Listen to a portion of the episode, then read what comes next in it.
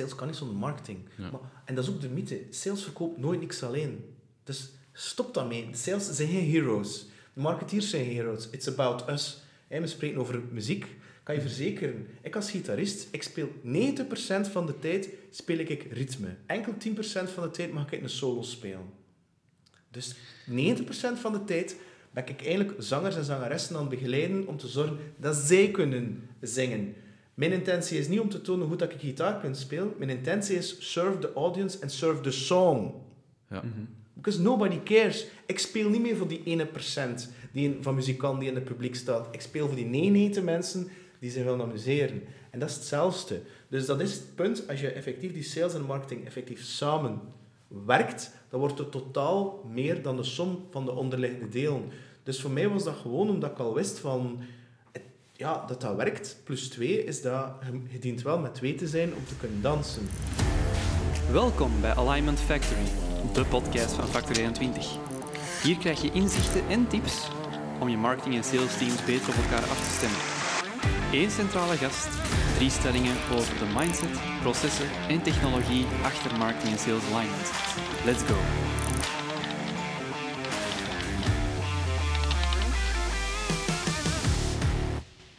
Hallo, welkom bij Alignment Factory. Ik ben Stefan en vandaag word ik niet zoals altijd door Nico vergezeld. Nico is geveld door een beestje dat ons al uh, drie jaar achtervolgt bijna. Uh, vandaag word ik vergezeld door goede vriend, een kanjer en uh, ja, collega toch ook, hè? Dag Matteo. Goeie intro, dankjewel. Blij om hier te zijn vandaag. Ja. Er goed zien? Absoluut, altijd. Ja, altijd. Gas geven, gas geven, gas geven. Um, ik ben al sinds benieuwd naar uw input. Nu, je bent er niet alleen vandaag. Hè. Zoals altijd hebben we één centrale gast. Um, en vorige week hadden we Philippe de Kleen de gast, uh, te gast, de lector, de halve finalist van de MOL, twee seizoenen geleden. Uh, die kan spreken over flow marketing en over hoe, over hoe dat de customer journey niet meer lineair verloopt, hoe dat de klant slash prospect eigenlijk van puntje naar puntje springt en dat je er steeds minder vat op hebt. Vandaag gaan we uit een, uh, uit een ander vaartje tappen. Hè. Oei. Um, ik heb namelijk een, een mede-podcast-host naast mij. Uh, met zijn podcast PS Grow, What's on Your Mind, trekt hij wekelijks talloze luisteraars naar zijn uh, stem en zijn gasten. Um, hij is ook een ja, goede gitaarspeler, heb ik me laten vertellen. Ja. Uh, maar hij is ook een zeer gedreven en gepassioneerde business developer slash relationship builder bij Dropsolid. Dag Peter Snauwaard. Hey. Hoe is het leven? Fantastisch, zeker met jullie. Matteo, bedankt. Top. Um, we starten elke aflevering met, met een icebreaker, Peter. Um, die gaat doorgaans niet echt over marketing of sales, om het toch ook een beetje luchtiger te houden. Um, ik, ik, had iets kunnen vragen over sales, maar ik ga dat gewoon niet doen. Uh, ik heb me laten vertellen uh, door een zekere gast uit de eerste aflevering dat jij een goede gitaarspeler bent, dat je dat ook heel graag doet. Mm -hmm. Dus ik niet. Um, wat is het zotste optreden dat je ooit hebt gedaan? Dat was in Antwerpen, dat was in een expo. Um, en dat was voor alle ziekenhuizen in Antwerpen, een, een, uh, een feestje. En dat, dat podium had letterlijk ja, drie verdiepingen. Een podium op te spelen. Dus mijn versterker stond daar quasi een kilometer achter mij. En ik denk dat er 5000 mannen, Amai. vrouwen, verpleegsters, verplegers uh, uit de bol zijn gegaan. Dat was over de top. Dat was, dat is een van de memorabele um, optredens. Ik heb een keer in de Koning hier ook in Antwerpen gespeeld. Dat was ook uh, fantastisch. Mm -hmm. Dus ik ken nou, best veel. Maar dat zijn zo'n paar ja. die, me, die me bijgebleven zijn. Ja. ja. Ja, ik heb een drumstel in mijn tuinhuis staan en het feit dat dat in het tuinhuis staat, zegt genoeg over wat mijn vrouw erover denkt. Hè. ja. Ik ben gestopt met blokfluiten. Elke passie. Ja. Over uh, de juiste snaren raken gesproken, we gaan erin vliegen. Man. Top. Um, dus we gaan vandaag in de loopgraven van sales en marketing alignment duiken. We hebben zoals altijd drie stellingen voorbereid over de mindset, processen en technologie achter sales en marketing alignment. Um, dus we gaan gewoon focussen op waar dat jij goed in bent, relaties, en we duiken erin met mindset. Um, goed, Peter, um, je bent relationship builder bij Dropsolid. Ik ben eigenlijk sales director bij Dropsolid, want doesn't matter, maar goed. okay. Het is maar een titel. Het is een titel. Ja, ja. Het, is dat, het is dat. Ik kijk naar uw LinkedIn. ik weet het, ik heb dat daarop gezet, omdat uh, ik vind dat zo raar dus dat er zo staat, sales of zo, en ik heb dat dankzij een LinkedIn-training hebben ze dat gezegd, je moet daar iets anders zetten. Ik heb er zelfs een tijdje stond erbij gitaarspeler en ook zelfs salsa lover stond erbij, om dat wat meer human te maken. Dus, ehm, maar, maar het is wel waar, ja. Ik, Ik, bouw, ik hou van connecteren en relaties te bouwen, hè, omdat ik mhm. ja, ongelooflijk um, nieuwsgierig ben, mhm. terwijl ik eigenlijk wel introvert ben. Ja. Vandaar het... Dat zou je niet zeggen. Dat zou Ja, ja, maar dat, dat, is wel, omdat ik, ik, hou, ik ben enorm teruggetrokken en ik hou heel, heel veel van boeken lezen. Dus als, als ik dat mensen heb gezien, dan moet ik me wel terugtrekken om te kunnen weer opladen. Ja. Dat klinkt raar, maar vandaar, ik, ik, ik, heb, ik heb het niet voor koetjes en kalfjes. Dat kan ik, ik ben er echt heel slecht in. dus ah, mij, ga je niet, mij, mij ga je ook niet horen vragen van... Ah ja, het is gewoon weer vandaag. Dan denk ik, oh. Dat zijn moeilijke gesprekken. Ja, ja dat is iets dat me niet zo erg boeit. Nee. Ah, um, waar ik het even over, over wil hebben, dat mhm. is um, relaties. Dus uit, uh, ik denk de eerste aflevering werd er gezegd... Um, transparantie is, is de basis voor vertrouwen en vertrouwen is de basis voor een relatie of dus een sale. Um, nu, klassiek gewijs is een relatie dat wordt opgebouwd vanuit sales. Als, je het heel oude stempel bekijkt. Uh, nu, vandaag zitten we in andere tijden waar dat marketing een veel grotere rol speelt in de customer journey. Hoe moeten wij relaties bekijken vanuit een, een gezamenlijk sales- en marketingteam? En, en vanaf welk punt in de customer journey begin je daarmee? En hoe pak je dat aan? Ja, wat een vraag, Stefan. Start de klok. nee, maar dus, um, je zegt eigenlijk heel veel dingen. En, en voor mij gaat het eigenlijk heel simpel. Uh, ik ben niet katholiek, ben wel spiritueel, maar niet katholiek. Maar, um, al wel vroeger wel, maar enfin. Maar er stond ergens iets in de Bijbel. Wie wil zaaien, moet... Uh, wie wil oosten, moet zaaien. En voor mij is datzelfde met relaties. Um, wij hebben elkaar nu leren kennen via via, dankzij Michael blij, waarvoor mijn grote dank.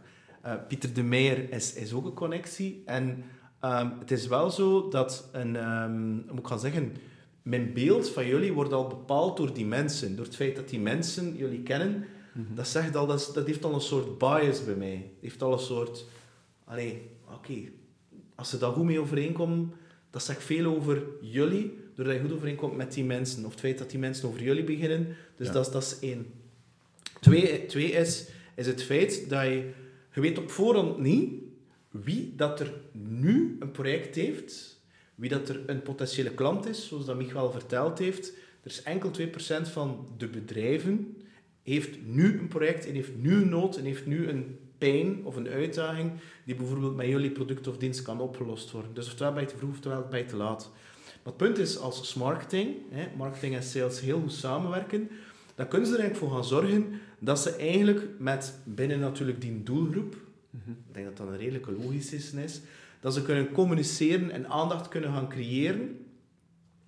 En ook um, hetgeen wat jullie doen, onder andere met een podcast, maar ook bijvoorbeeld met authentieke LinkedIn-posts en niet van pitcherige toestanden, waarbij je zowel marketing en sales ehm, communicatie voeren in hun manier, waarbij dat ze binnen die doelgroep ja, zichzelf gaan tonen. In de hoop een conversatie te kunnen starten. Zie je? Ehm, en vandaar vind ik dus dat dat... Um, ja, de sales die maar gewoon cold call zit, zit, zit, te bellen op een lijst, dat dat... Allee, dat werkt wel, maar dat werkt niet op de, de old-fashioned manier. Ik denk, als je goed kan samenwerken met marketing door fantastische content te presenteren, maar echt supergoeie content, die inspireert, die, die, die prospecten laat nadenken, laat informeren. Want dat zijn nog twee aparte dingen. Hè. Inspireren en informeren. Informeren is voor mij naar het hoofd en inspireren is naar het hart. En daar wordt er actie in ondernomen om een conversatie te gaan starten.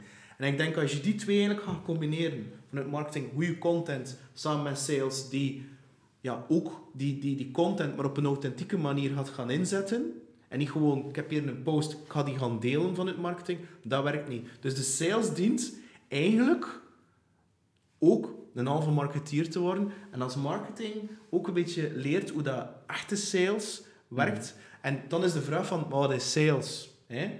Dus voor mij staat het en valt het, zowel in marketing als in sales, met de intentie. Zoals dat ik al in ons voorgesprek zei, ik heb dat gehaald van de marketingstrategie. En die J. Abraham, en die heeft, die heeft dat geschreven in een van zijn boeken, The Strategy of Preeminence. En die zegt letterlijk, elke persoon waar je mee in contact komt, fysiek, virtueel, maar ook via post, content, die gaat voelen dat die intentie erachterin zit. En oftewel is de intentie van what's in it for me, wat dat typisch in de sales commissie gedreven is. Want niemand wil kopen van iemand die alleen maar bezig is met zijn eigen commissie. Maar je, als je die content, als die, die, die, die, die, die klantenontmoetingen met een intentie van how can I serve you, dus echt helpen, ja, dan zal effectief die, um, die klant volgens mij meer openstaan voor een zaadje om, om dat zal die, dat vertrouwen toch alleszins kunnen, kunnen uh, sparken. Komt er ook nog een keer bij, als je rekening houdt dat 17%, en dat is een studie van Gardner, dat kreeg van Mick Adam, mm. en die zei 17%, enkel 17% um, ehm, van de tijd is een klant bezig met, met vendors, met, met, met leveranciers aan het babbelen, om een, om een product of dienst te zoeken, maar al de rest is die bezig met peer reviews, uh, Google uh, researches. Volledig uh, autonoom, hè? Ja, klopt. Hè? Ja. Dus, maar dat is maar 17%. En als je er nog een keer rekening houdt dat de sales, de tijd dat hij mee spendeert, rond de 5 of 6% ligt, ja, als een sales die denkt van ik ga dat een keer regelen, dan, dan moet hij, zij, samenwerken met zijn lieftallige collega's van marketing om, om ervoor zorgen dat het relevant wordt. Ja, om even misschien de bal naar, naar u te spelen, Matteo. Uh, ik was van de week uh, nog een podcast aan het luisteren. Ik, ik denk dat het, dat het Hub Heroes was. En, en daar zeggen ze eigenlijk, als je content produceert, zijn de marketeer of, of sales, dan moet je eigenlijk zien dat die content ervoor kan zorgen dat degene dat dan leest, het kan zonder dat jij ervoor in beeld komt. Dus, dus eigenlijk dat ze uw werk zelf kunnen gaan doen en dat de reden dat ze u gaan aannemen is omdat ze u vertrouwen. Um, hoe zie jij daarnaar? Ja, dat is helemaal... Je hebt hem mij doorgestuurd, ik zou hem ook nog eens moeten luisteren, hij staat op mijn lijst. Maar dat is helemaal het idee. Ik denk dat heel veel content, en ik zoek er eigenlijk nog een beter woord voor, ik heb het nog niet gevonden, ik zit zo nu in edutainment, dat, dat het iets bijbrengt en toch inspirerend, uh, inspirerend is en leuk om te lezen. Um, ik denk dat dat heel vaak wordt ingevuld vanuit wat je ook in het vorige gesprek uh, zei, dat zijn eigenlijk mini-sales pitches. Hè. Uh, ja, dat, dat is iets heel kort brengen en dan heel snel toesturen of, of aansturen op neem contact op met ons en dan kunnen wij u verder helpen. Ja. En denk dat mensen daar doorprikken, daar lezen ze over, daar zijn ze al blind voor, denk ik, in de feed. Wat dan nog effectief wel werkt, of wat, ik gewoon zie werken in cases en voor onszelf, is als we iets aanreiken, een inzicht, een learning, een, een, een geleerde les, waar ze zelf mee aan de slag kunnen, of een framework of eender wat. Ik denk dat er zo 30 manieren zijn om dat in te vullen. Dat, daar zit de echte waarde. En als ze dan na verloop van tijd, is dat na een week, is dat na x aantal maanden, is dat na een paar jaar, is dat nooit. Dat is even goed. Je hebt die mensen geholpen en die positieve associaties zijn er. En als je dan, vanaf dat ze, dat ze uh, naar u een outreach doen en ze willen met u uh, eens kijken hoe dat je ze verder kunt helpen, als je dan ook niet ineens overhelt naar en nu ga ik verkopen, maar ook dan blijft volhouden van hoe kan ik u helpen, wat kan ik hier voor u betekenen, of een beetje ja, een, als kompas dienen. Uh, als ik in meetings zit, is het heel vaak... Uh, ja, we weten het niet. We weten eigenlijk niet van wat houdt pijlen maken. Uh, dit is onze situatie, wat zou jij nu doen? En als je dan gewoon een eerlijk antwoord kunt geven, of dat dan nu met u samenwerken is of met iemand anders, want dat is voor mij even goed. Hm. Mijn ambitie is niet dat iedereen in de wereld met websec samenwerkt. Mijn ambitie is dat, dat iedereen op een zinvolle manier marketing en sales kan doen en zijn bedrijf kan groeien. En is dat met ons of met iemand anders, maakt mij niet uit. Maar ik wil er gewoon toe, toe bijdragen. En ik denk, als je die mindset hebt in hoe dat je content uitwerkt, ja, dan heb je een voorsprong op, op heel veel uh, mensen die dat vandaag marketing en sales doen. Nu, wat, dat, wat dat Matteo net verteld heeft, dat is een van de allerbelangrijkste dingen, vind ik, in mindset die vergeten wordt. En dat is heel veel sales, maar denk ook marketeers, die zitten met een soort schaarsheidsmindset, scarcity mindset. Dus die denken, de taart is zodanig klein, ik moet als mijn concurrent vechten voor mijn stuk. En ik moet vechten voor, voor mijn brokken. Terwijl als je een abundance mindset hebt, als je kijkt naar de natuur, ik daag je uit om de zandkorrels te tellen die hier op dat, op dat veld hierachter liggen, of in de zee, um, of het aantal sterren. Ja. Bedoel, er is genoeg voor iedereen. Maar dat is wel een heel belangrijke. Dus als je al ergens ingaat van, er is niet genoeg, dat is hetzelfde als je gaat, uh, op een slipcursus gaat. Wat het eerste wat je leert in een slipcursus, als je in de auto zit, nou wat moet je kijken als je de muur wilt vermijden? Vooral niet naar de muur kijken. Als je naar de muur kijkt, ga je op die muur vliegen. Maar dat is hetzelfde. Ja. Maar mensen zijn er nog niet van bewust wat de impact daarvan is. Hetzelfde met, met ehm, en dat heeft er een beetje mee te maken, is detach from the outcome. Hè. David, uiteraard, dat ik doorgegeven heb, dat is hetzelfde. Detach from the outcome is als je in een conversatie, in welke vorm dan ook, um, bent en je bent alleen maar bezig van ja, ik moet dat en dat doen, um, want ik moet nadien een order gaan of ik moet dat hier closen. Ja, nee, laat dat volledig los. Het maakt eigenlijk zelfs niet uit of dat je nu verder gaat of niet, of dat je nu iets gaat tekenen of niet, of dat je... Dat maakt allemaal niet uit. Je bent alleen maar bezig, zoals dat hij terecht zegt, Matteo, van ja, bon, we zijn er nu in gesprek. En dan ga je krijgen wat je dan net vertelt. Is dan een klant of een prospect, die gaat in een guard laten vallen en gaat echt zeggen, kijk, ik zit met die situatie, ik heb dat onderzoek gedaan, kom tot die conclusies. Ik weet het helemaal niet meer. Hij als expert, en waarom be beschouwen ze dat, of hebben ze die perceptie als jou als expert? Aan de ene kant door al die content dat je al gebracht hebt, omdat het consistent is en dat ze zoiets hebben van, ja, één, die heeft alles al gedeeld wat hij weet, plus de manier waarop dat hij het brengt, met een bepaalde soort van passie en verbinding, ja, ja krijg je zoiets van, ja, ik vertrouw jou.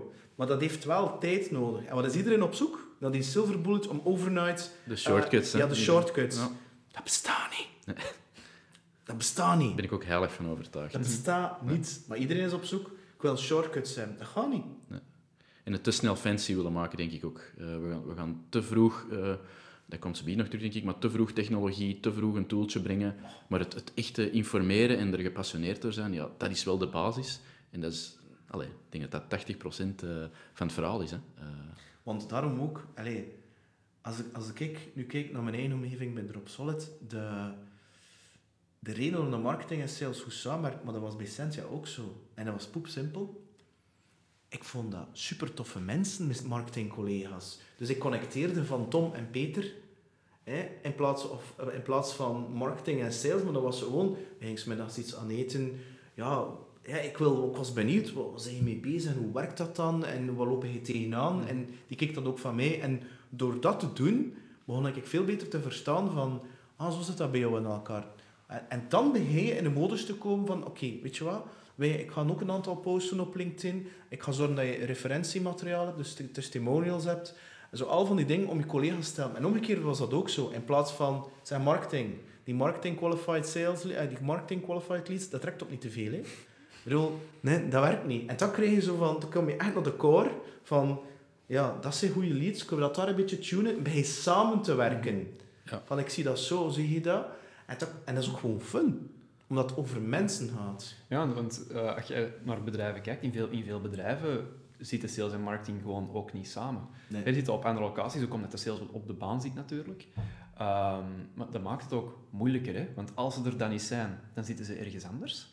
Uh, we zitten in een sales meeting bijvoorbeeld, waar de marketing dan ook niet is uitgerold. Uh, wij doen dat wel, wij een marketing en sales meeting alleen rond dat. Dus met een sales meeting, daar ik ze weet naartoe, maar met ook een marketing en sales meeting. En dan babbelen we over marketinginitiatieven, mm -hmm. hè, wat we samen kunnen doen, maar we babbelen ook over salesinitiatieven die een impact hebben op marketing. En wat we nu recent ingevoerd hebben, is events, dat we zeggen, we gaan met één of twee sales en een marketeer naar een event. En dat doen we specifiek voor samen te gaan. Dus niet de sales die alleen gaat, of de marketing. Nee, we gaan samen. En dat verbindende effect heb je daar ook. Omdat je dan... Ja, dan kan je zelf... Dan moet ik gaan zeggen... Um, we hebben nu bijvoorbeeld de LinkedIn for Sales gehad van Michael Humble. Wel, de marketeer is meegeweest. En die... Wow, wow. En, en die zei, ja, nu gaan we dat wel doen. En dat, nee, de, dit, hè? Ja, het, is dat. En dan krijg je zo die... Zij bekijkt de dingen vanuit een heel ander perspectief. Ik denk, oh, interessant. En dat is ook weer mindset. Denk gewoon niet dat je het weet. Staat daarvoor open. En leert wat dat marketing effectief is, want die kun je, die kun je helpen. Want het antwoord is niet, ah, mijn, mijn leads tekort, maar gaan er wel extra sales bij zijn. Maar je moet eerst dat stuk ervoor regelen. Dat gaat niet helpen door, door nog meer mensen te laten cold callen. Dan denk je, oh, ja, bon, dat gaan we niet binnen. Ja, dan, dan, voert, dan de druk alleen maar op. Hè. Uh, iets dat niet werkt, daar nog extra sales en die titel, allee, daar denk ik ook het mijne van, maar nog extra salesmensen erbij zetten. Mhm. Als de instroom er niet is, ja, dan gaat u eigenlijk helemaal vastrijden op termijn. Ja, en, dat is eigenlijk, dit is nu de derde aflevering van Alignment Factory. En, en in de drie afleveringen is dat elke, elke keer teruggekomen. Elke gast zegt, sales moet marketing in de vingers krijgen en vice versa. Maar goed, om uh, misschien, maar, misschien maar deze... Pas op, wat er wel is, je begon het net over met een podcast. Mhm. Ik ben dat gestart vanuit een soort passie, omdat ik een podium wou hebben voor die sales toestand, omdat ik zelf tegen een aantal dingen aanliep. En ik heb eerst een aantal video's op YouTube gedaan, toen ben ik die podcast uh, gaan, starten, omdat ik dacht van ja, ik ga wat mensen experts vragen. En ik gebruik dat als element om zelf te leren. Hè? Maar wat ik echt zwaar onderschat heb, en ik, ik geef toe dat ik daar vroeger mee lachte, die personal branding. Terwijl, maar dat is dus wel, dat werkt dus wel, hè. Dat is ongelooflijk hoe dat, dat vehikel ervoor zorgt dat je, ja, een personal brand mhm. hebt. En dat werkt fantastisch. En dan denk ik inderdaad, wat Michael Humblij al jaren loopt te roepen, van ook sales moet bijdragen aan marketing, onder andere met je zelf een personal brand aanbouwen. Mm Want de sales willen dat niet. Die zijn zoiets van marketing, geef me die leads. Maar die willen die effort dan niet insteken. Ja, bij, bij ons zei, zei Michael bijvoorbeeld, marketing is de schaalbaarheid van je pitch. Dat klopt. Ehm, maar dus, uh, om, om de stelling misschien even af te ronden... Um, komt erop neer, uw relaties zijn gebouwd op vertrouwen. En vertrouwen gaat je niet creëren door, door te pitchen op LinkedIn of, of door te coldcallen of zo. Dat doe je door, door waarde te door, door effectief ervoor te zorgen dat mensen uw werk uit handen kunnen nemen en het zelf kunnen doen, maar toch voor u kiezen omdat ze u vertrouwen. Um, en daarom is, is zo'n een boel.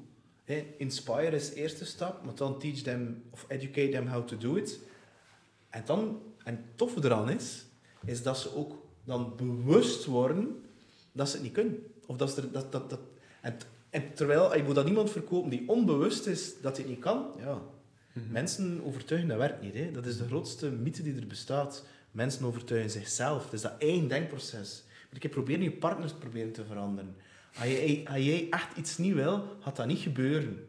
Ook al zeg je wel van, ja, ja, ja, ja, maar diep, diep van binnen denk je van, ja, Mm Weet je wel, gast, blaas me Goed. Stefan, mag ik je nog even hijacken? Ja, zeker. Um, jullie zijn dan gestart met de, de gezamenlijke marketing-sales meetings. Uh, waarschijnlijk ook omdat je misschien tegen bepaalde dingen bent aangelopen. Heb je het idee dat andere motivaties maken dat marketing en sales anders werken en andere, andere trajecten lopen?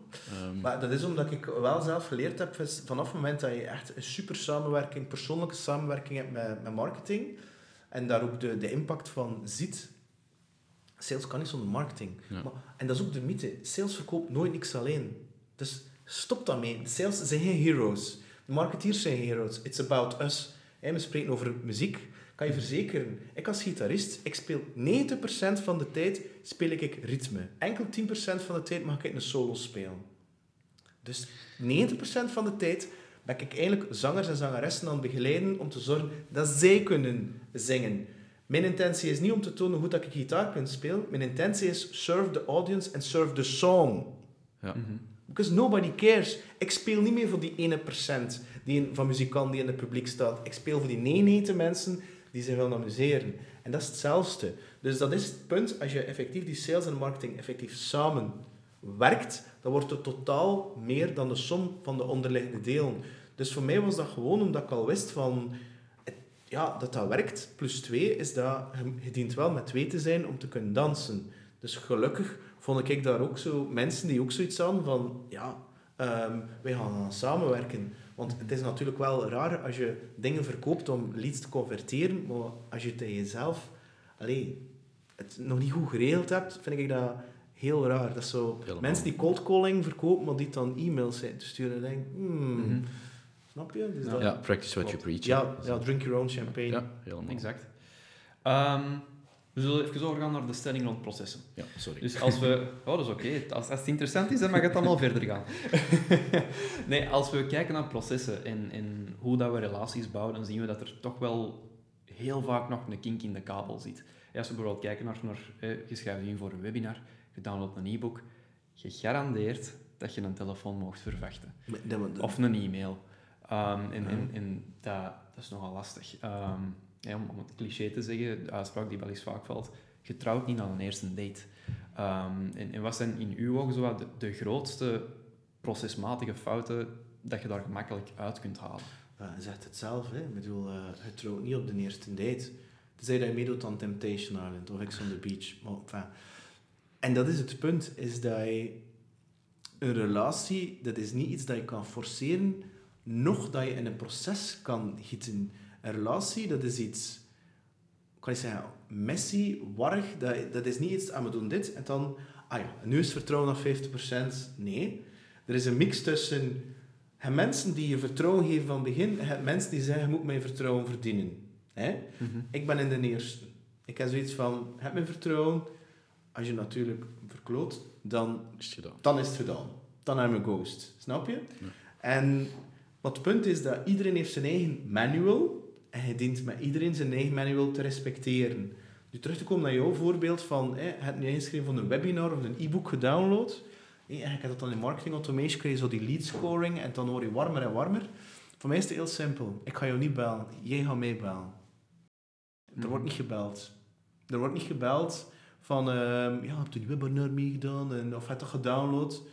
Eerlijk, als jij klaar ervoor bent, ga je wel komen. Ik ga dan zeggen, allee Peter, zo raar. Nee, omdat dat, dat irriteert mensen. En Dat is, dat is ik alsof dat je op een tweede date zegt en zegt van, ja, goed, eh, Stefan, ik denk dat we nu klaar zijn om te trouwen. Nee, nee. Het dat dient, het dient eerst, eerst mee te gaan met die flow en te zien van... Het klinkt misschien heel raar wat ik nu ga zeggen, is eigenlijk het omgekeerde te gaan doen. En daar geloof ik heel hard in. Omdat je nu bezig bent over dating en trouwen, denk ik, zonder daar een expert in te zijn, dat het... ehm, en voor mij werkt het wel in meer sales context. Als je de druk wegneemt van een bepaalde verwachting om met jou in zee te gaan, je doet dat continu, dan gaan mensen automatisch naar jou komen. Ik heb direct veel aantrekkelijker ook. Hè. Ja. Dus, eh, ja. Dus dat je eigenlijk gewoon je leven leidt zonder dat je denkt, oh, ik heb die partner nodig Mhm. om een leven te leiden. Dan ga je op één keer zoiets hebben van, er zit geen druk achter. Mhm. Ja, een beetje eh, gelijk dat je er juist zei. ehm, als de sales zich te veel gaat focussen op een target dat hij moet halen, Ja. dan dat werkt averechts. Dus, maar pas op. Dus vandaar dat ik meer bezig ben met respect. Ik heb respect voor Matteo, maar dat betekent ook, ik ben niet bezig dat hij me tof vindt. Allee, ik zou het wel leuk vinden dat hij me tof vindt. Hè. Ik Maar vind wel- heel maar dat- tof. Maar wat ik wil zeggen is dat als zij iets zegt waar ik niet mee akkoord ben, dat ik zeg, Matteo, ik vind het interessant dat je dat vertelt. Alleen zie ik dat anders. Ik zie dat zo en zo en zo. Wat denk je daarvan? Dus ik ga in, in dialoog. En waarom? Mijn intentie is dat ik... Ik wil Matteo helpen. Maar ik wil eigenlijk niet dat ik de waarheid in pacht heb. Maar ik ga wel met hem in zijn... Ah, dat is interessant dat je dat zegt, Matteo. Dus Matteo denkt dan bij zichzelf achteraf van... Ja, die, die intuïtie, ik voel dat wel. Ik heb wel voor die gast. Het is, het is een beetje rock and roll, maar dat is wie dat hij is. Dat is oké. Dat betekent ook dat sommige mensen niet voor je hebben. En dat is ook oké. En ik durf vragen te stellen en ik dacht van... Hmm, daar heb ik nog niet zo naar gekeken. En dan kreeg je dan zo van... Hmm, zo raar. Die is dus niet bezig met mij naar de mond te praten Mhm. om te laten passen in een of ander script, omdat je een bepaald woord hoort van ja, alignment van sales, zo moet een marketing automation tool hebben. Nee, is het eerder van ja, eh, dus als een antwoord op je vraag, hoe kan je dat proces, gras groeit niet sneller door aan te trekken. Dus dat wil zeggen, als je met een proces bezig bent, neem nu een salesproces en je wilt de, de, prospect te snel duwen naar die volgende fase, maar in marketing dat ook met die funnels, en de awareness en al, en je probeert te snel die, die, man, die persoon te duwen naar die volgende fase, dat werkt niet. Je bent beter dat je zelfs terugkeert. Dat je echt kijkt van, dat je het trager aanpakt. Als de klant zegt, ja, ik wil naar daar of naar... Nee, maar wow, wow, wow. Zien we dat hier al zeker dat dat, dat, dat iets is dat, dat jou een value kan gaan, gaan brengen. Dat je dat eerst vertraagt. En dat je hem daarop gaat challengen. Zodat je dat tegenovergestelde effect krijgt. En die mensen gaan je ook wel dankbaar zijn, omdat sommige mensen zijn nu eenmaal, als ze iets zien, super enthousiast. En het moet allemaal direct gebeuren. Terwijl dat dan achteraf, ene keer als ze dan thuis zijn, of ze zitten in een wagen, of ze op kantoor, dan begint dat denkproces zo van, was dat eigenlijk wel een goed idee? Was ik niet eigenlijk te enthousiast?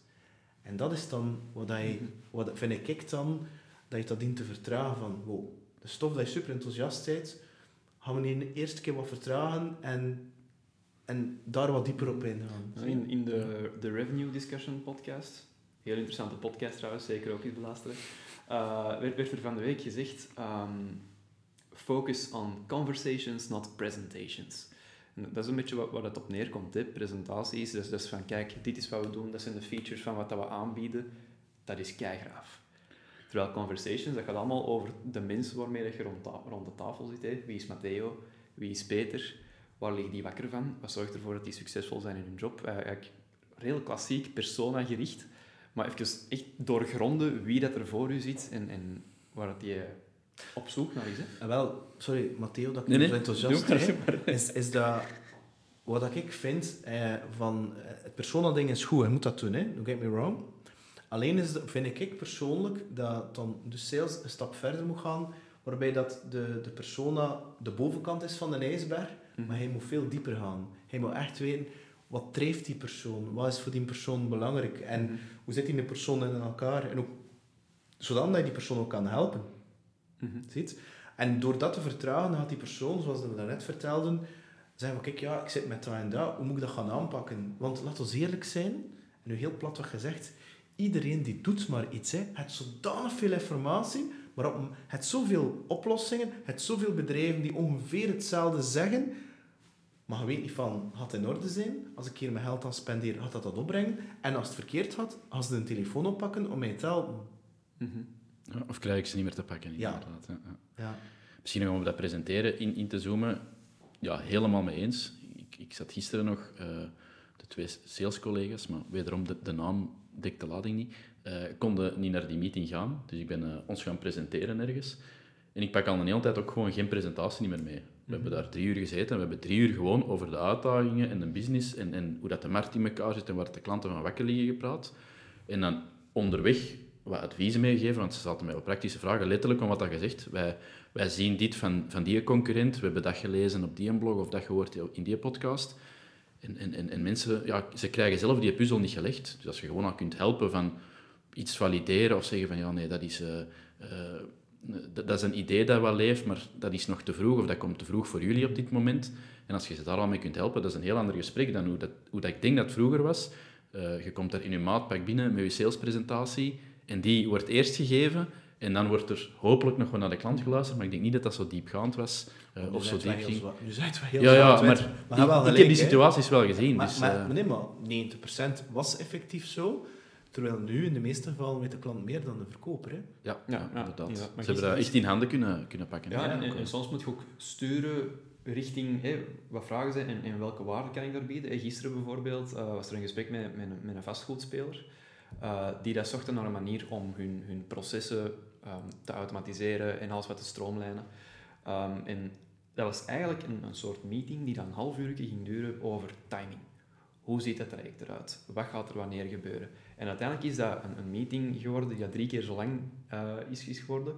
Puur omdat die zaten met, met oké ja, maar we gaan binnenkort ook een, een groot project lanceren daar. Hè, dat is dat project, dat zijn zoveel units dat we moeten verkopen. Ja, hoe, moeten we dat in kaart brengen daar? En, en ja, dat, dat heeft dan niks met die, met die timing te maken. Maar je hebt er nog een uur over gekopt. En die mensen zijn blij. Ja, dat is het. En dus, ja, de pitches en de presentatie. Ik heb ook geen, geen deck. Nee. Een deck ga ik maar helemaal op het einde gebruiken voor Ja. um, um, uh, iets toe te lichten. Op het einde bedoel ik niet van de meeting. Ik bedoel ook veel meetings verder, als het echt heel concreet wordt, dat je zoiets hebt van, nu moet wel lekker iets presenteren en moet een design of, of weet ik veel wat Ja. eh, gepresenteerd worden, zodat het... Kijk, man, ik- en dat is dan meestal een recap van al de dingen dat je al... Dat Ja. die klant al verteld heeft. Compleet gepersonaliseerd. Maar dat is, dat is een mooie vergelijking, denk ik, waar dat er vroeger mee werd gestart. Je zegt, nu, nu komt dat op het einde van het traject. En informatie en waarde geven en helpen. Ja. Eh, daar, ah ja, dat, is, dat is de aanloop, zo gezegd. Hè. Van, vandaar, en dat is wel een heel belangrijke, is er zo'n mythe die zegt van, ja, de verkoper eh, moet vooral luisteren en vragen stellen. Dat is waar en dat is niet waar. De verkoper dient, zoals dat hij dat daarnet ook zegt, als ze eh, op een bepaald moment het niet weten, dient ook een recommendation te doen op een manier waarop dat, dat gelijkwaardig is. Niet zo van, we zijn een expert en je moet je muil houden, maar je weet er niks van. Nee, dat is niet. Nee. Eerder van, op basis van wat ik zie bij gelijkaardige ehm, klanten, omgevingen, eh, rollen, zien we dit en zou ik u dat aanraden voor dat te doen. Dat zou ik niet doen, want dat, dat past minder. En again, met die intentie ga je direct voelen van, ja, die is er iets aan het sturen of nee, die, die bedoelt dat echt. Ja, Je kunt een referentiekader Ja. brengen hè, voor, eh, ja, Ja. super waardevol. Inderdaad. En wat, ik- wat ik vooral denk dat de, de sales vandaag het grootste probleem is, of de uitdaging, is dat ze overkomen als een ehm, glorified admin. Dat ze taxichauffeur zijn voor allerlei experts en dat ze zo wat meetings regelen, maar eigenlijk totaal geen value of content brengen. Ja. En dan, dan moeten ze vanaf. Ja, inderdaad. Ik denk dat het tijd is om over te gaan naar stelling 3, beste heren. Oké, super. Ehm, een, een relatie opbouwen, dat draait er voor een stuk om dat je, dat je weet wie dat er voor u zit. En zoals juist gezegd, marketing neemt ondertussen een, een heel groot deel van die customer journey voor, voor hun rekening. Um, Noem maar, maar rust, buying journey trouwens. Ja, inderdaad, buying journey. Um, nu, dat gaat moeilijker en moeilijker worden, want er zijn steeds strengere privacyregels, behoeftes aan privacy. En er is zoiets upcoming en dat noemt Zero Party mhm. Data. Ik denk dat jij er recent ook een post uh, over hebt gedaan. Ja. Um, dus, dus voor zij die, die niet, niet helemaal mee zijn ermee, dat, zijn, dat is de data die dat uw contacten, uw, uw, uw doelgroep vrijwillig aan u geeft, zodat jij er iets mee kunt doen om waarde voor hen te gaan, te gaan creëren eigenlijk. En, en dat je dat niet doet via de Facebooks en de Instagrams en al, daar gaat het dan uiteindelijk over. Hè? Ja, inderdaad. En dat je dus um, op basis daarvan je relatie gaat opbouwen. Nu, um, dat is iets waar dat, denk ik nog niet al te veel bedrijven uh, kaas van hebben gegeten, waar dat denk ik ook nog niet al te veel mee bezig zijn. Um, stel, je wilt als bedrijf een voorsprong nemen, want dat is wat je vandaag doet als je daarmee begint. Hoe begint je daaraan en, en um, hoe gebruik je die data dan in je voordeel om die relatie sterk op te bouwen? Ja, ik vind dat een heel goede vraag. En het antwoord is, ik heb die vraag gesteld op een LinkedIn-post, mhm. omdat ik in België, in Vlaanderen, inderdaad merk dat, dat er heel weinig daarmee bezig zijn. Als ze er al mee bezig zijn, is het praten. En um, als ik dan kijk in het buitenland, bijvoorbeeld in, in, in Duitsland, ja, wegens daar die GDPR, ja, ze kunnen zelfs niks in een cloud gaan zetten in Amerika. Ja. Zeker overheidsinstellingen. Dus dat, dat leeft dat dan extreem hard. Um, nu, om, om terug te keren, is dat het... Um, ik was gisteren in gesprek met een, uh, een uh, hoe noem je dat, een CIO, een digital lead van een, um, een bedrijf die een boeken uh, doet, een uitgever. Mhm. En um, de meeste mensen kopen boeken op een bol of op een Amazon. Hè. Mm-hmm. en, die, en ik vroeg hem ook, zei, ja, waarom, waarom eigenlijk in, in, in een e-shop? En die zei, dat is voor data gathering. Zegt hij, dus, dus niet om geld op te brengen, maar dus wel om voeling te krijgen. Want wij, wij hebben geen uh, winkels, dus we weten eigenlijk niet wat werkt. Wat, en die, die, die e-shop die, die wordt gebruikt puur en alleen om datapunten te kunnen verzamelen. En dat is nu een heel concrete case van um, een investering doen voor een e-com platform, maar niet verwachten dat dat, dat, dat op één keer, ja, ik weet niet veel geld gaat opbrengen, maar wel om een referentiekader te kunnen hebben uh, voor, uh, voor data. Nu, denk ik dat CMO slash CEO, want dat is, ik vind dat dat wel een heel grote impact heeft om de beslissing en de bewustzijn te hebben van, van, van zelf je data te gaan ownen, om mhm. beslissingen te kunnen op gaan nemen. Um, je weet het ook wel, hè, door een post op LinkedIn en wat is 2 of 5 procent max ziet uh, van de mensen zie je, zie je in de post. Als het ja. al zoveel is. Ja, wel. Hè? Dus, maar als marketeer dat is niet interessant. Hè? Ik bedoel, dan moet je al je geld geven. En wat dat ook niet wil zeggen dat je ermee moet stoppen. Maar ik denk gewoon dat dat gezond is om die mixtern en daar kleine stappen in te gaan zetten. En voor, je, voor jezelf um, manieren te gaan zoeken op een simpele manier om daarmee te beginnen.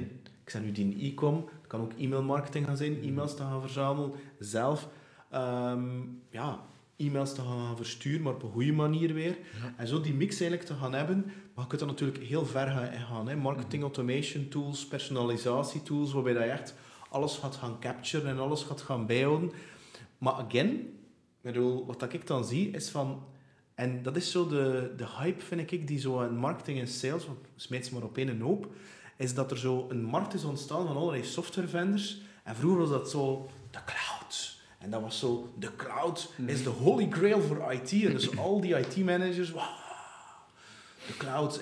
En nu zit het in sales- en marketingland. Dus dat zo die, ja, de golden de golden trick, de golden solution, de, het ding, de tool die ons probleem gaat oplossen en morgen is opeens alles anders. Ja, dat is dus niet zo. Hè. Bedoel, uh, en, en ik weet niet wat dat komt, maar die marketing en sales die, die trappen een niveau. Dus die, die, die verkopers komen af hé, en uh, die tool en dan ga je voor ik weet niet veel iets zorgen. Is zo van, wow, wow, wow, begin met de basics. Ja. Het staat en valt.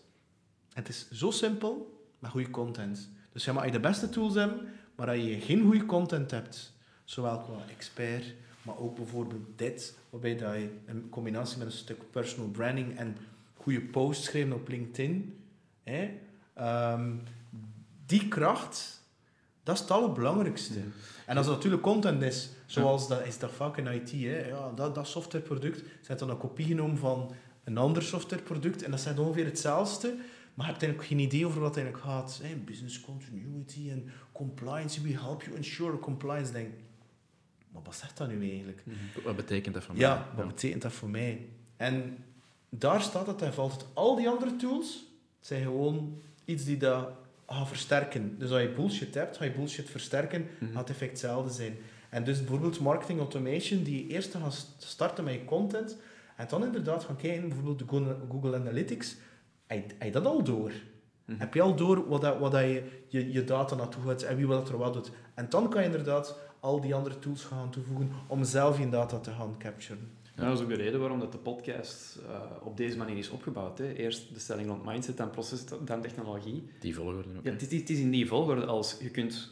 En dat is denk ik een fout die dat wel regelmatig wordt gemaakt. Bedrijven denken, ik ga een Salesforce of een HubSpot implementeren en, en dat gaat mijn probleem oplossen. Nee, absoluut, dat absoluut een, niet. Dat is een middel en een tool is just a tool with a fool. Ja, ja en hetgeen wat je juist zegt van, van, van uh, technologie is eigenlijk een, een vessel dat gaat versterken wat al aanwezig is. Uh, dat is eigenlijk goed, grappig dat je dat zegt, want dat is iets dat ik gisteren exact heb geschreven in, in een blogpost dat volgende week uh, gepubliceerd gaat worden. Het is inderdaad, als, als je technologie in gang zet, maar je mindset is er niet, ja, dan gaat niemand het gebruiken. Als de mindset er wel is, maar je processen zijn er niet, dan gaat iedereen er vol goede moed aan beginnen, maar iedereen doet het op zijn eigen manier en je hebt eigenlijk niks dat je kunt analyseren. Ik denk als je een heel duur systeem opzet en, en, en dat, dat steekt dan iedereen zijn ogen uit, we moeten het grootste, duurste systeem hebben, dat is als een uh, Ferrari op je oprit zetten en er dan water in gieten.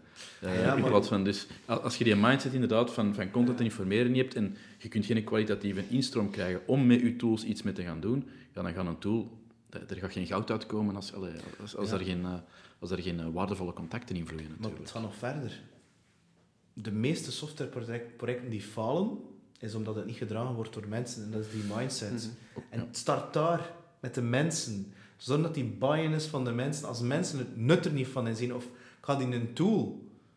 Ja, ik ben die gekocht, maar ik gebruik hem niet, omdat ik niet weet hoe ik het moet doen, of whatever mm toestand. Of dat men dacht, ik heb die een tool gekocht, ik heb nu geen werk meer. Maar als je een tool koopt, dat een marketing automation tool koopt, je moet dat werken, je moet dat tijd insteken. Mm -hmm. En vaak is dat zo, oeh, moet ik dat tijd insteken? Is dat niet gewoon play set, en dat...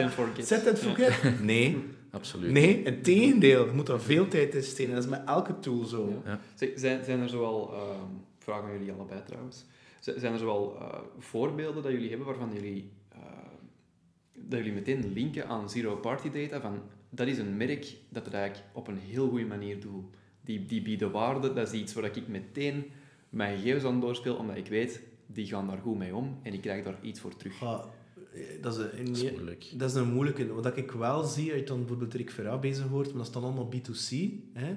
Ik denk dat er nog een groot verschil is tussen B2B en B2C. En B2C zie je dat wel bij de automerken en al, waarbij dat ze al de data aan het capturen zijn, mhm. met al die technologie die in, in de waan zit. Maar in B2B zelf eh, is er al jaren een stroming van de data lakes. Ik weet niet of je er ooit van gehoord hebt. Dat is zo...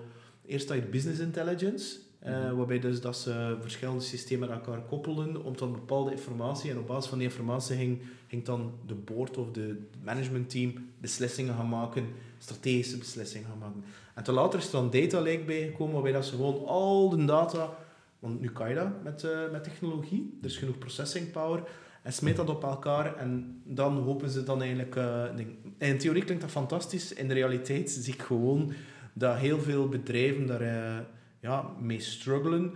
Of, nog belangrijker, dat er zodanig veel noise is. Je hebt dan alle data, maar je weet dan niet meer wat er nu eigenlijk relevant is. Ja. Dus ik vind, dat, ik vind dat je heel goed moet opletten met die, met die data. Van, zorg dat je niet te veel data hebt in het begin, maar dat je een beetje data hebt, conclusies uittrekken, testen en dan je datapunten gaan vergroten in plaats van ineens alles te willen. Ja, ja inderdaad. Als, als wij een, een technologie implementeren, dan, dan is er altijd de, de grote import. Uh, zal ik het even zo dat, dat is vaak een van de meest moeizame processen in, in heel zo'n implementatie, omdat je hebt een dataset om mee te beginnen, die is onvolledig, die is uh, niet overal juist ook niet. En dat is dan een race velden, en, en dat, is echt, als, als wij daar mee gaan beginnen met die import, dan zeg je, beste klant, ik wil even een meeting met u en ik kan elk kolommetje met u overlopen. Dat veld. Waarvoor gebruikte dat? Oké, kunnen dat nog op andere manieren gebruiken. Oké, dus dat gaan we schrappen. Hoe dat gaan we schrappen? Ja, want het is niet de bedoeling dat je CRM een dump moet worden. Een vulbak wordt. Dat moet, dat moet een functioneel geheel zijn, een single source of truth. En elk stukje informatie dat erin staat, moet een nut hebben.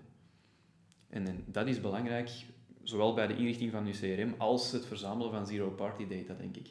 Dat je vraagt alleen wat nodig is om je processen correct en, en succesvol uit te voeren. Absoluut. En dan verder aanvullen in functie van nood. Hè. Als, als, als, als je begrip van de data groeit en je, en je weet heel bewust, ik heb extra datapunten nodig om um, de gebruiker beter te kunnen helpen, dan kun je progressief profielen gaan aanvullen en je data gaan verrijken. Ja. Maar bij de start is dat absoluut niet nodig. Hè. Je, hebt, je hebt een, een, basis, een, een, absolute basis nodig en dan bouwen we daarop verder. Ja, het, is, het is een beetje dat we er juist zeiden. Hè. Ja, de basis zit niet in een technologie, maar die zit in het uitzoomen en nadenken van oké, wie probeer ik te bereiken, hoe ga ik dat doen en, en hoe bied ik daar het meeste waarde om dus die relatie op te bouwen om zero-party data te verzamelen. Ja.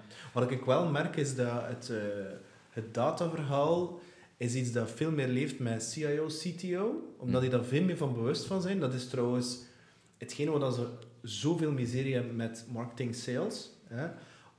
Um, omdat marketing sales, ik was nu al eens in, in groep nemen, hè, niet bewust zijn van als zij een tool binnenhalen zonder dat ze overlegd hebben met IT, wat dat eigenlijk doet met die data. Waar mhm. gaat die data naartoe? Van wie is die data? En al van die toestanden. Omdat zij alleen maar bezig zijn met hun businessdoelstelling. Is dat dan leads? Is dat dan whatever dat dat ook is? En dat ze zoiets zijn, ja, ja, IT... Uh, uh, kijk hier, bepaalde doelstelling. Een superbelangrijke rol, hè? Ja, ja, maar dat is... En, maar dat is iets dat uh, nog meer in een explosie heeft gekregen dus dat er dan zo'n spanningsveld komt tussen, ja, ik wil mijn, mijn, ding, mijn ding, mijn job kunnen doen, terwijl dat IT dat daar staat, ja, security en data. Maar zij zijn daar veel harder mee bezig om, om natuurlijk GDPR, want als er, een, er zijn al boetes daaromtrent, ja. maar dat is dat komt vaak, heel het eh, data processing uh, gedoe, GDPR zit vaak zo in compliance, hangt dat te zweven rond security, rond IT en nooit onder marketing. Zie je? En ik denk dat er wel dat uh, dat, dat dataverhaal in, in Vlaanderen, dat marketeers zich daar niet bewust van zijn wat, dat, wat er op hun afkomst. Ik ken natuurlijk wel het verhaal van de Instagrams en de LinkedIn's en de TikToks met de, met de algoritmes, maar ze zijn volgens mij nog niet bewust van ehm, wat dat de kracht kan zijn om zelf meetpunten te kunnen hebben. En, dat, dat, en, en wat voor een mogelijke schade dat ze zouden zelfs hun collega's van de IT um, berokken. Dus in plaats van te zeggen van, bon, IT, weet je, bedoel, nu is het moment om een keer in plaats van als kostdepartement je op te stellen als een business driver, ja. we eens een samen zitten. Hoe zou je mij kunnen helpen om inderdaad die datapunten te kunnen doen? Jullie zijn te content dat jullie, jullie compliance dingen. En ik ben te content omdat ik daar wel um, resultaten kunnen uithalen. En als je dat kan bekomen, als je dan marketing, sales en IT hebt, ja, dan... Mm ja. Dan vlieg je, denk ik. Ja. Ik vind, dat, vind dat een mooi om de stelling mee af te sluiten. Ja, zeker. zeker. uh, Peter, we hebben altijd een, een, een, afsluitende vraag voor onze gasten. Namelijk, stel dat je een, uh, een jongen... Oh ja, we zijn nog jong, een, een jongere, Peter Snauwaard, uh, advies mocht geven over hoe dat je sales- en marketingteams beter op elkaar kunt afstemmen om relaties beter op te bouwen. Wat zou dat zijn? Het is natuurlijk er is veel veranderd. Hè? De laatste decennia binnen marketing en sales, maar welke tip zou je geven? Oh.